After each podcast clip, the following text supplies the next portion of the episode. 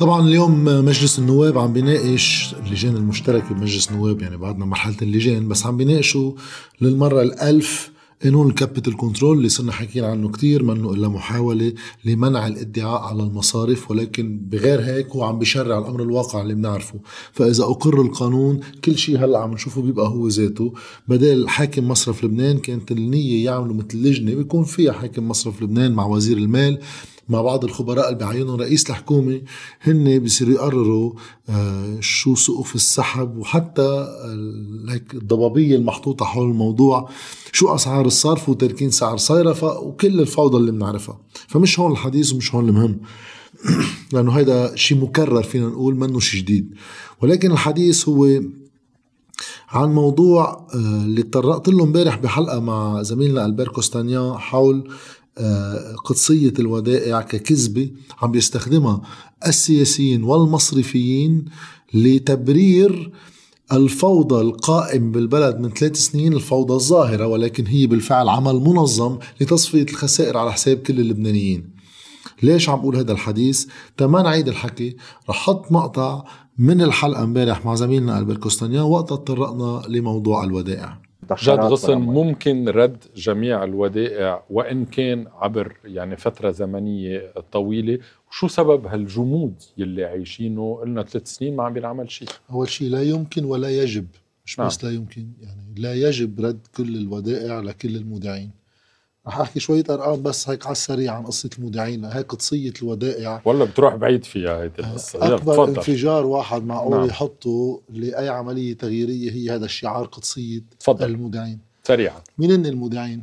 أرقام مصرف لبنان 2018 ما عم نجيب مطرح غريب يعني. في مليونين و900 ألف مودع كان. مجموع الودائع 165 مليار. حساب مش مودع. أه حساب عفوا. نعم.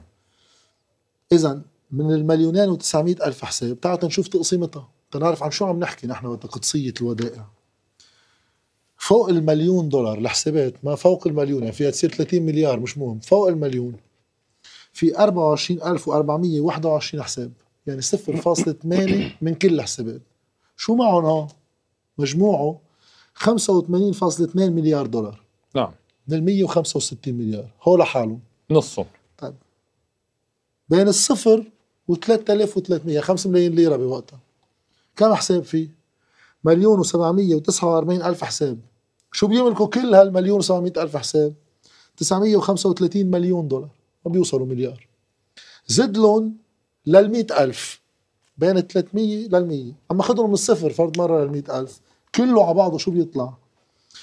2.5 مليون حساب. 92% من كل الحسابات. شو بتملك؟ تملك 14 مليار دولار. بس اللي معه فوق المليون دولار صار حرامي لا لا لا حرام؟ جايك بالحديث. تفضل. شو من هالحسابات الصفر ل 3300 بعضهم موجودين بس راحوا. نذكر الناس إنه كل شيء يحتسب ما قبل 17 تشرين لسبب ما.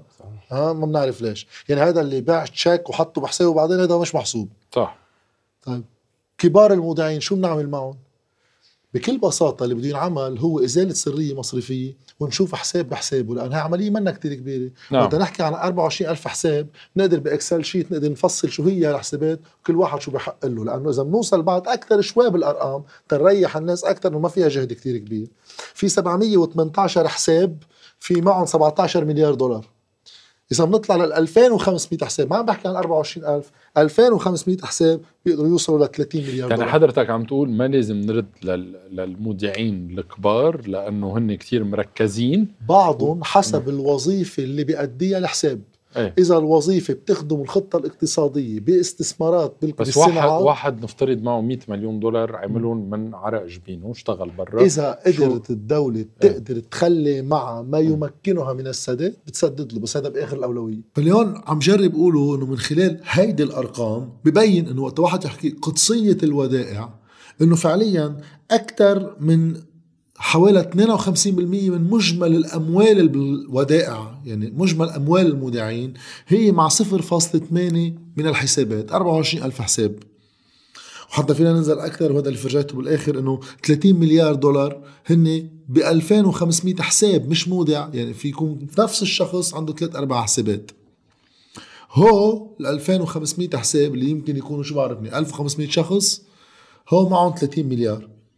أما فينا نروح على رقم 24 ألف حساب اللي يمكن يكونوا شو بعرفني 12 ألف إنسان 10000 إنسان معهم 85 مليار. بحجة قدسية الودائع أنه نحن بيننا بصغار المودعين اللي بحسب الخطط الحكومية المعروضة بس بينحسب شو بدنا نرد للمودعين انطلاقا من حساباتهم بالدولار ما قبل 17 تشرين 2019 ما بنعرف ليش هالتاريخ. غير أسبابه السياسية طبعا الواضحة شيطنة حركة اعتراضية قامت بالبلد. إذا بناخذ إنه كل هن حساباتهم بيحسبون قبل 17 تشرين بنلاقي إنه ساعتها أغلب صغار المودعين خلصوا حساباتهم أما قلوا عددهم.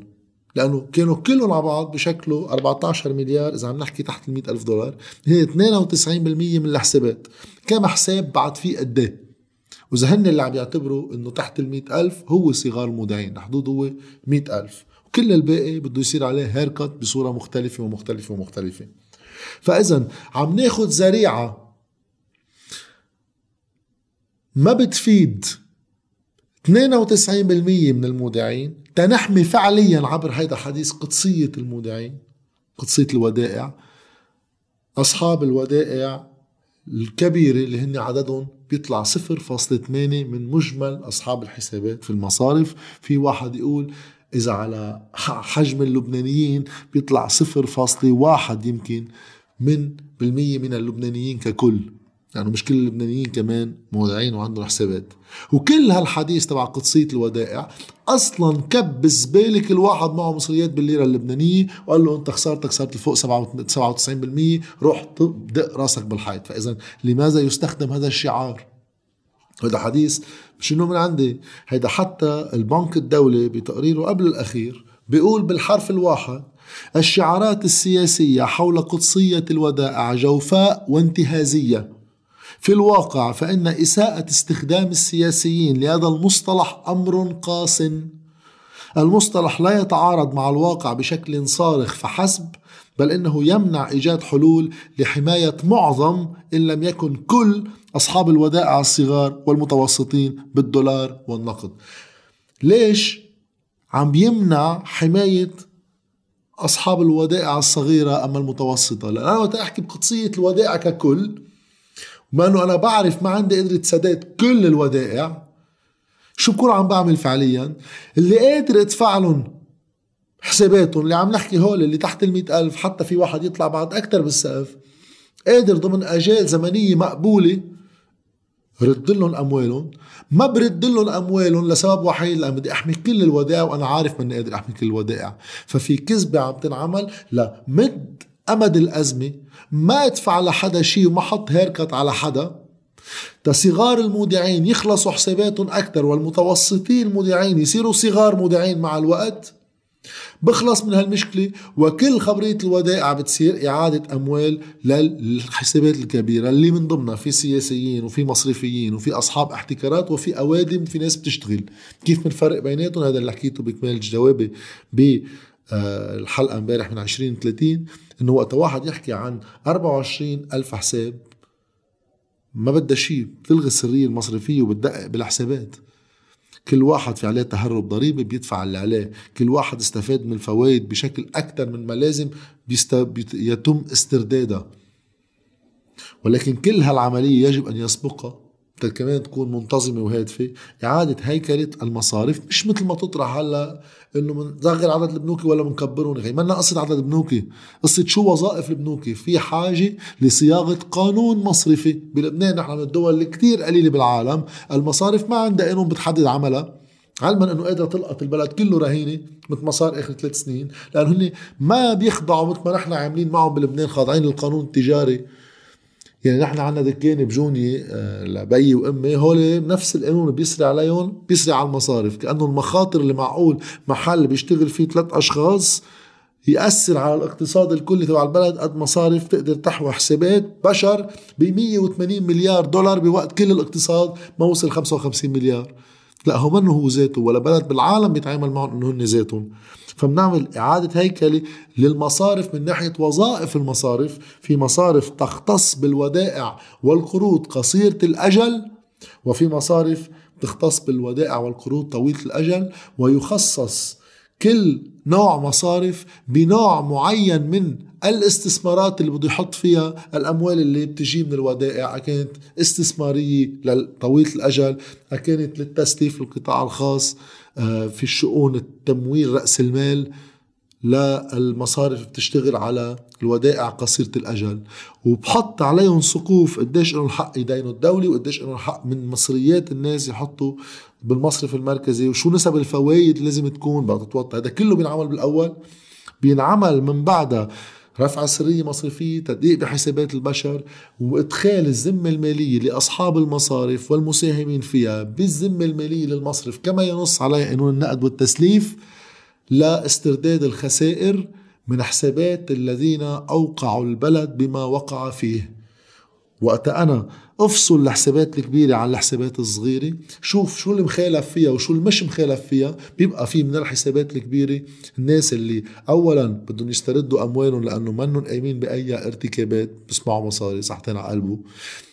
ولو أولوية السداد له يمكن ما تكون بالسرعة اللازمة مقابل صغار المودعين لأنه هليك معقول يمولوا الاستهلاك بشكل كتير كبير لأنه صغار المودعين رح يستعملوا هالأموال لصغر هالأموال على الاستهلاك بينما كبار المودعين ما في إمكانية واحد يستهلك 100 مليون دولار. على الأرجح هيدي بتخرج برات البلد أما تدخر بشي مكان ما. ولكن حتى من ضمن كبار المودعين اللي ما عليهم شائبة في واحد يبدي بعضهم على بعضهم بحسب شو الدور الاقتصادي اللي عم يخدمه صاحب هذا الحساب. هل هو جزء من الخطة الحكومية المحطوطة لتنمية صناعات معينة لتنمية خدمات معينة يمكن تصديرها هيدا بحق له بسقوف أعلى للسحب لخدمة هالوظائف تحديدا. بهالصورة واحد بيكون عم بيعالج قصة الودائع لا بقدسية ودائع ولا بكذب على العالم. هيدا كله دجل سياسي وهيدا هو شكل من أشكال السرديات لتغطية اقتصاد سياسي اقتصاد الأزمة. اللي هو بنرجع نحن بنوزع الخسائر على حساب كل الناس بنخليهم يتأقلموا مع الواقع اللي عم بيعيشوا فيه تدريجيا من خلال تعاميم بيصدرها مصرف لبنان بخلي الناس تحس إنه خسائرها واقعة ولكن عم تقدر تدبر حالها بالتي هي أحسن واللي قادر يدبر حاله بدولارين من برا بيدبر حاله. واللي مش قادر بتجي شبكات الرعاية السياسية للأحزاب ترجع عبر شبكات الزبائنية بتضمهم للنظام من خلال يا كيس رز يا خدمة استشفائية وظيفة بشي محل بما توفر مع صعوبة الإمكانيات نحن فيه. هيدا هو الواقع اللي عم نمشي فيه. كان بلبنان آه في سياسة مالية آه واقتصاد سياسي قائم على تكبير حجم القطاع المصرفي لأسباب كثيرة ما راح نفوت فيها ولكن حكيناها أيضا بالحلقة. نحن دولتنا من 93 ل 2019 جبيت ضرائب من الناس أكثر ما أنفقت. هي جابة ضرائب من 93 لل 2019 159 156 مليار دولار. هيدا جباية هاي إيرادات الدولة. شو أنفقت الدولة من دون خدمة الدين يعني لو ما نحن ما في دين أنفقت الدولة 129 مليار. عندها فائض بين شو أنفقت وشو جبيت 27 مليار دولار. من بعد ما المصارف وأصحاب الاحتكارات والاستيراد وبعض مقدمي الخدمات عم نحكي بعض القطاع الخاص المربوط بالدولة كان بالاتصالات أما بالاستشفاء أما بالتعليم والعقارات. تقريبا هيدا هو كان يختزل كان للاقتصاد السياسي اللي بدنا ندخل له كل مصريات البشرية. لو لحاجة هو لاستقرار سعر صرف تنقدر نحن خدماتنا نغلي لها سعرها وتنقدر نحن استيرادنا يصير أرخص من الصناعة المحلية. وتنقدر أرباح المصارف نعظمها بشكل أكبر من حطائه البلد كله سوا. ليش دولة بتجبئ 27 مليار دولار أكثر ما أنفقت؟ بدها تدفع بها نفس الفترة من 93 ل 2019 87 مليار دولار خدمة دين. ومن بعد ما دفعنا هال 87 مليار دولار خدمة دين باقي علينا 92 مليار وقت الانهيار وفي 80 مليار غيرهم بمصرف لبنان خسائر. إذا بنجمعهم على بعض عم نحكي 167 مليار دولار بالإضافة ل 92 اللي كانوا باقيين علينا. يعني عم نحكي عن حوالي 260 مليار دولار راكمناهم خسائر وديون بوقت شباية الدولة أكثر من مصروفها إذا حطينا الدين على جنب. هيدا هو الاقتصاد السياسي وهذا توزيع المصارف الأموال على المصارف.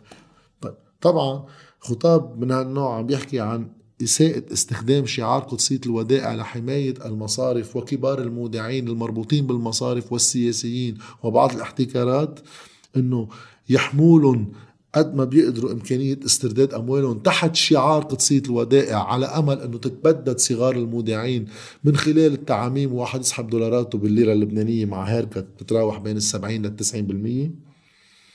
ومن ناحية تانية أنه في اقتصاد قام على خدمة المصارف الاحتكارات العقارات والمقاولات وبعض الخدمات الخاصة المربوطة بوظائف دولة خلت الدولة قصد تنهار. كرمال تقوي القطاع الخاص فيها. واحد بيسميهم هو ليش بده يجي بعض الناس على مواقع التواصل الاجتماعي؟ يعني ما في يسميها حملة يعني بس هيدا الشيء المكرر يعني من وقت ما واحد بلش يتعاطى بهذا الموضوع خصوصا مع بداية الأزمة بلش الحملات عليه هلأ باوقات بتتغير الحملات يعني ساعة إنه هيدا شيوعي. هلأ البنك الدولي عم بيحكي نفس الشيء ما بعرف شو شيوعي البنك الدولي. ساعة إنه هيدا غطى لحزب الله. هلا آخر وحدة اللي جاي من بعد هذا الحديث إنه قدسية الودائع شعار كاذب ولا يجب رد كل الودائع واصلا ما في قدرة على الموضوع. ليش بده يجي يطلع كم واحد يخبرنا وهول كثير مهمين واحد يراقبهم تيفهم شو ومين اللي عم يعمل عملية الضغط بهذا المحل.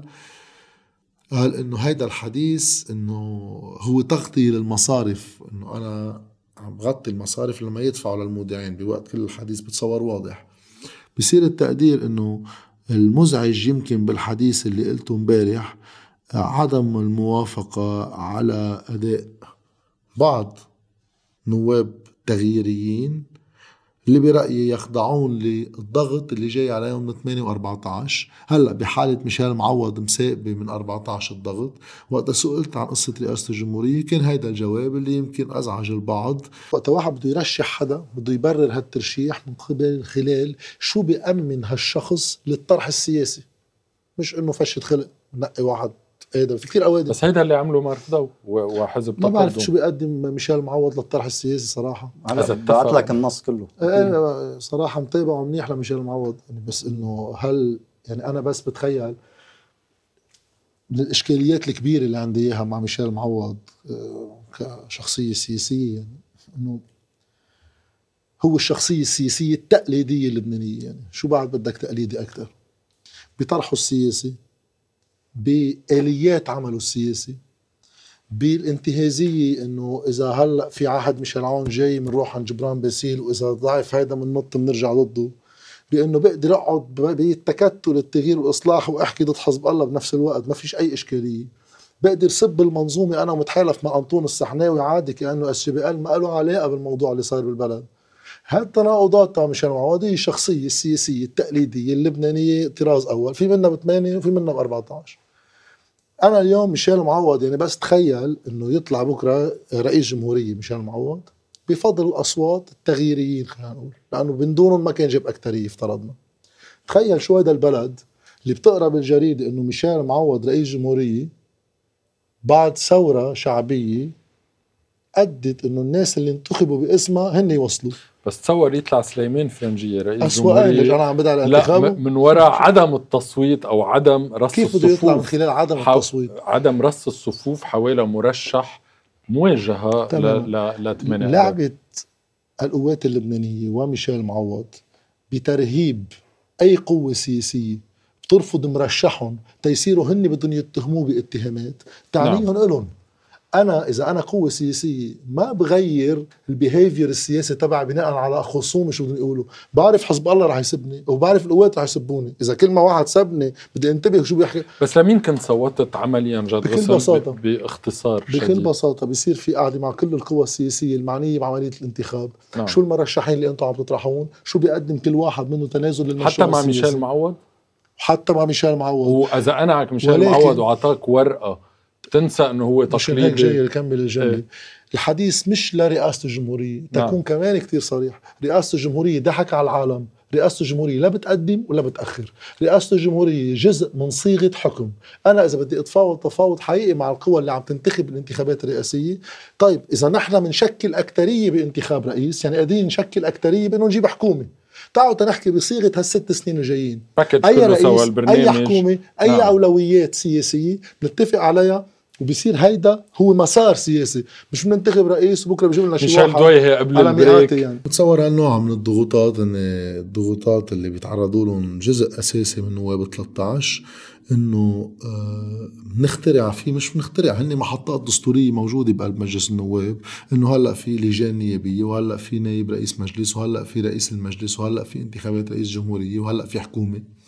إذا أي قوة سياسية ما عندها برنامج سياسي واضح تفاوض كل الناس على أساسه وتمشي بصورة منتظمة وهادفة وواعية ومنسجمة. إنه اللي بيسلم تنازلات سياسية لهالفريق السياسي بناء على مشروعه السياسي نقدر نعطيه أصواتنا إذا نحن بنقدر نخلق إطار سياسي للمرحلة القادمة سوا. كل حدا لا لا.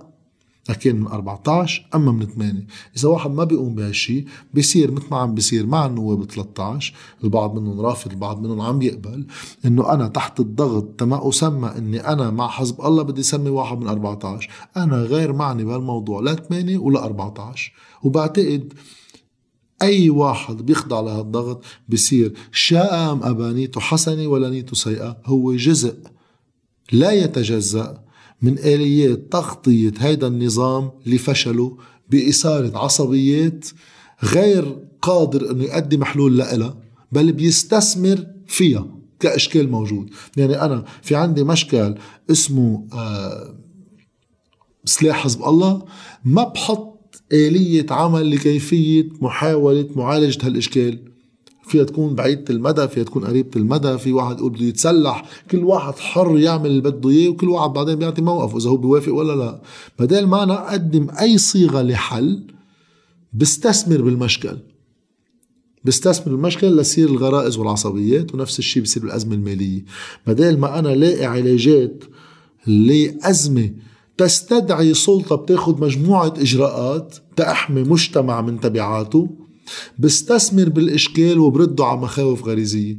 هيدي قصة 8 و14 بدها توصلني إنه يا سليمان فرنجية يا ميشيل معوض لا. يعني إذا واحد وصل آخر العمر لهون لشو يفوت على مجلس نواب لشو يعمل نايب؟ هذا الدور كان رح يعملوه جماعة 8 و14 فيك وبلك